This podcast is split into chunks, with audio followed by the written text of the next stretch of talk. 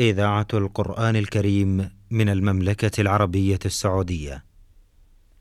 دروس في العقيدة الإسلامية. برنامج من إعداد فضيلة الدكتور صالح بن عبد الرحمن الأطرم. تقديم فهد بن عبد العزيز السنيدي. بسم الله الرحمن الرحيم الحمد لله رب العالمين وصلى الله وسلم وبارك على عبده ورسوله نبينا محمد وآله وصحبه أجمعين. أيها المستمعون الكرام السلام عليكم ورحمة الله وبركاته وأسعد الله أوقاتكم بكل خير. واهلا ومرحبا بكم إلى حلقة جديدة في برنامج دروس في العقيدة الإسلامية. مع مطلع هذا اللقاء أرحب بفضيلة الدكتور صالح بن عبد الرحمن الأطرم فاهلا ومرحبا بكم الشيخ صالح. حياكم الله ووفق الله الجميع لما يحبه ويرضاه حياكم الله. لا زلنا إخوتنا المستمعين الكرام مع كتاب التوحيد للإمام محمد بن عبد الوهاب رحمه الله تعالى. لا زلنا نستقي من هذا الكتاب المبارك بعضا من الفوائد العظيمة المباركة التي سطرتها أنامله رحمه الله تعالى. ونحن الآن في باب من حقق التوحيد دخل الجنة بغير حساب. أود من فضيلتكم فضيلة الشيخ صالح أن أتعرف والمستمعين الكرام على مقصود المؤلف رحمه الله تعالى بهذه الترجمة ومعنى قوله تحقيق التوحيد أو حقق التوحيد. شكر الله لكم. بسم الله الرحمن الرحيم. الحمد لله رب العالمين وصلى الله وسلم على نبينا محمد وعلى آله وصحبه أجمعين. وبعد فإن هذا الكتاب هو كما وصفت أو فوق ذلك. فأبعاده ليست بالسهلة وفوائده لا تعد ولا تحصر بل بل معظمه بل وجله لما خلق له الإنسان. فلهذا جعل رحمة الله عليه العنوان كتاب التوحيد. فبين في الباب الأول حكم توحيد الله في العبادة. ما حكم ذلك؟ فاستدل بالنصوص القرآنية والنصوص النبوية على أن إفراد الله بالعبادة أمر محتم وساق النصوص على ذلك. ثم أتبعه فضل, فضل التوحيد الذي يعود على الموحد في الدنيا والآخرة من الطمأنينة ومن الراحة النفسية ومن السعادة الدنيوية والأخروية. ثم جاء بال بالباب الثالث لبيان الفضل المترتب على تحقيقه على تحقيق التوحيد. وهذه الترجمة تدل على أن المعاني لها تحقيق. كما أن المحسوسات لها تحقيق وتنقية وتصفية. نعم. فقد يكون الإنسان يقول موحدا يقول لا إله إلا الله محمد رسول الله. ويأتي بمعظم بمعظم شؤون الإسلامية. ولكن قد يدخله شيء من الشوائب. وشيء من النقص. وساق المؤلف رحمه الله النصوص على فضله فضل هذا التوحيد على الموحد في الدنيا والآخرة. ولكن لا بد من هذا التوحيد من تحقيق عن ما يخالطه وما يحبطه. من الشرك الأكبر أو ما قد يفسده أو يفسد كماله. فلهذا نقول في قوله باب من حقق التوحيد معنى حققه أي نقاه من شوائب الشرك. فإن كان شركا أكبر فهذا يحبطه يحبطه مطلقا. وإن كان شركا أصغر فهذا ينقص الثواب الكثير وهو تحت مشيئة الله. وإن كانت معاصي فإنها أيضا تخدش هذا التوحيد. فأراد رحمه الله تعالى أن يبين آه، فضل تحقيقه فيتأكد على كل من قال لا إله إلا الله محمد رسول الله أن يحرص ويجد ويجتهد على أن يصفيه وأن يخلصه من الشوائب الشركية ومن المعاصي التي قد تنقص من ثوابه. بل ربما إذا ارتكب المعاصي آل به الأمر إلى استباحتها فيقع حينئذ بما يضاد التوحيد وهو الكفر. لأن من استباح المعاصي التي ثبت تحريمها فهو محارب لله ورسوله ومشرع مع الله. نعم. فيقع في مسألة الكفر فيكون منافيا للتوحيد. إذا المراد المؤلف هنا أنه يتأكد على أهل لا إله إلا الله وما ومح... لا إله إلا الله محمد رسول الله أن يراقبوا أنفسهم عن الأقوال والألفاظ التي تخدش جانب التوحيد وعن الأفعال التي قد تنافيه أو تخدش كماله أو تخدش كماله. إذا التحقيق هو التنقية والتصفية عما يشوب العقيدة في والعقيدة والمعتقد في وحدانية الله.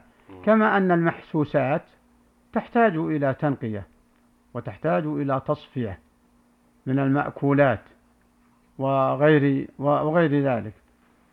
فلهذا عقد هذا الباب ليبين فضل التحقيق. ثم أتبع قوله باب من حقق التوحيد كلمة دخل الجنة بغير حساب ولا عذاب نعم. فهذا ثواب من حققه لماذا؟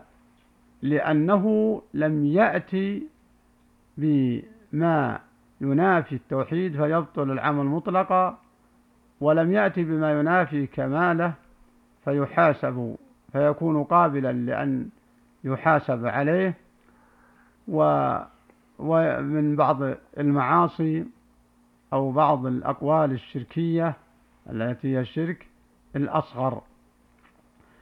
فأما الشرك الأكبر فهذا مبطل مطلقا. نعم. فهذا يبطل للتوحيد مطلقا. فنأخذ من هذه الترجمة التحذير مما ينافي كمال التوحيد والرغبة لمن رغب لمن رغب في دخول الجنة بلا حساب ولا عذاب. لماذا بلا حساب؟ لأنه لم يرتكب شيئا ينافي توحيده ولم يرتكب شيئا ينافي كماله. فلم يكن عنده ما يحاسب عليه ولا ما يعذب عليه.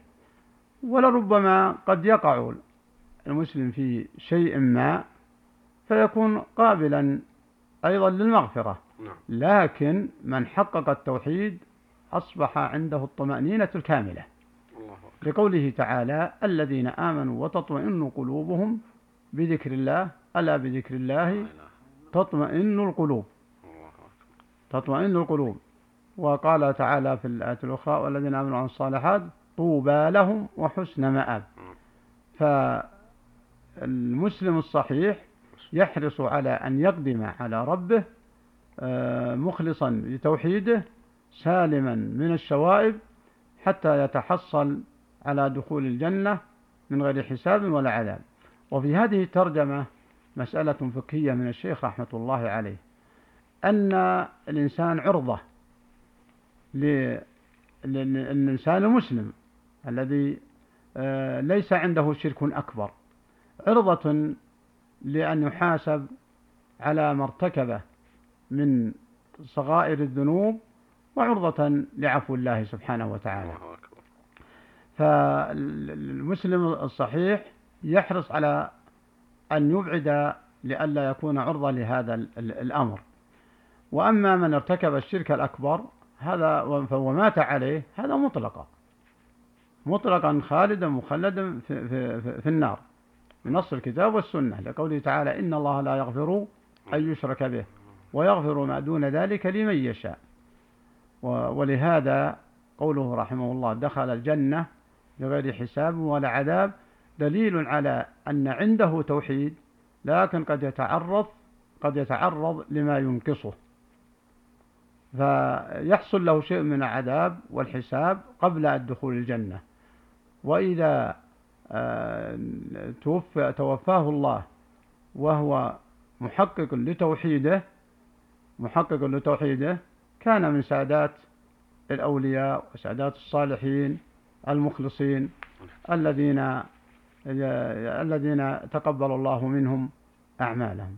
الله أكبر. فالذي أوصي به الإخوة المستمعين أن يستحضر المسلم هذه الكلمة من حقق التوحيد دخل الجنة بغير حساب ولا عذاب ولا ييأس من رحمة الله من كان عنده نقص في بعض الجوانب إلا الشرك. فإن الشرك الأكبر لا يغفر وإن مات عليه فمخلد كما سمعنا والشرك الأصغر لا يغفر وتحت مشيئة الله. قد يعذبه عليه وقد قد يعذبه عليه. أما غفران الشرك لا يغفر لقوله تعالى إن الله لا يغفر أن يشرك به وقوله ومن يشرك بالله فقد حرم الله عليه الجنة. فلنفرق بين المعاصي وبين الشرك. وقد يغفل بعض الأخوة عن الفرق بينهما فيستعظم المعاصي كشرب الخمر والزنا والسرقة ونحو ذلك. وعقوق الوالدين هذا صحيح هي كبيرة من الكبائر. نعم. ومن استباحها ولو ما عملها كفر نعم. محرمة. لكن قد يرتكبها الإنسان وهو لم يعتقد حلها فيكون عرضة للعقاب. إنما الشرك لا ليس قابلا للمغفرة نهائيا للنصوص التي سمعناها. فليحذر المسلم العاقل آه، الوقوع في الشرك لا الأكبر ولا الأصغر ولا القولي ولا الفعلي نعم. و... و... ويحرص على التباعد عن المعاصي لئلا توقعه في الشرك أو لئلا تتراكم عليه ف... آه، فتكثر آثامها إن لم يغفرها الله آه، له. نعم. شكر الله لكم يا شيخ. كنت أود أن أنبه على أمور نعم. غير أنك أشرت إليها شكر الله لك في الحديث. آه، الحقيقة أنه بمجرد قراءة الإنسان للباب الذي كتبه الشيخ رحمه الله تعالى يكفي لفهم مقصوده. فضلا عن أن تساق الأدلة التي ذكرها الشيخ بفقهه العظيم. وعلمه رحمه الله تعالى واختياره للأدلة فمجرد قراءة الباب تكفي لفهم المقصود فضلا عن سياق الأدلة التي سنتعرض لها بإذن الله تعالى في الحلقات القادمة كذلك كما أشرتم قد يحصل التوحيد للإنسان ولكن قد يكون هناك خلل في تحقيق هذا التوحيد وأشرتم إلى هذه القضية وهي مهمة وحساسة ينبغي للإخوة المستمعين الكرام أن يتابعون في الحلقات القادمة بإذن الله لاستكمال باب من حقق التوحيد دخل الجنة بغير حساب. نسأل الله تعالى يجعلنا وإياكم والمستمعين الكرام ممن حقق التوحيد ومما ينال دخول الجنة بغير حساب إنه جواد كريم. أيها المستمعون الكرام في الختام تقبلوا تحية زميلي يحيى عبد الله من الهندسة الإذاعية. لنا بكم لقاء بإذن الله تعالى في الحلقات القادمة. والسلام عليكم ورحمة الله وبركاته. دروس في العقيدة الإسلامية. برنامج من إعداد فضيلة الدكتور صالح بن عبد الرحمن الأطرم تقديم فهد بن عبد العزيز السنيدي.